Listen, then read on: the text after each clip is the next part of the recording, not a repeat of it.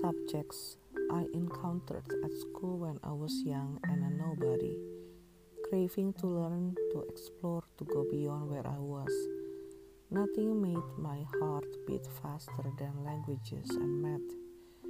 The joy of getting to know new notations, specific equations, rules and grammars, and more rules made my soul sing blissfully, grateful for the chance and content with the process. Of all cities I've gone to, far and near, nothing makes me wanting to stay more than where I am right now. This is where I started my own family, where I put down my root, where I raise my kids. Wherever I travel to, I'll always know where I'll going back. Despite of the harsh weather, the air pollution, the distant neighbors, it is still the best place I'll choose to stay and live with my brood. Of all babies in the world with their glowing skin, toothless smile, twinkling eyes, nothing makes me love and feel loved as fiercely, as openly, as honestly I love my own babies. They are bones of my bones, blood of my blood, born with weaknesses and flaws, but mine never does regardless of the IV cables intertwined on their small arms and legs, the yellow patches on their skins because their body were not functioning properly yet.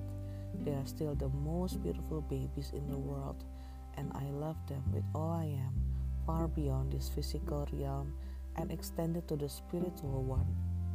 Of all men in the world, with their charming personalities and promises to be good to me, Nothing made my heart flutter as nervously as you did when you sat across me in that restaurant. We got off on wrong foot, but I soon learned how kind and how reliable you were, how you never hesitated to offer me your strong arm, holding me up whenever the days got so rough and I didn't think I could carry on much further. I still feel the same flutter, my love. Ever since the second you asked me to be yours and I bound you to be to be mine. Of all people in this world, there's no one I trust more than I trust you. Even through the darkest hours in our family, our struggles and sufferings, I will always have you and you will always have me by your side.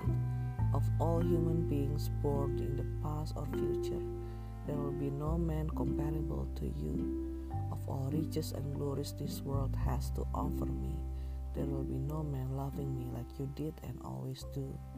Of all blessings and lucks and good destinies, people say, graced upon me, you and our children are the most precious of all.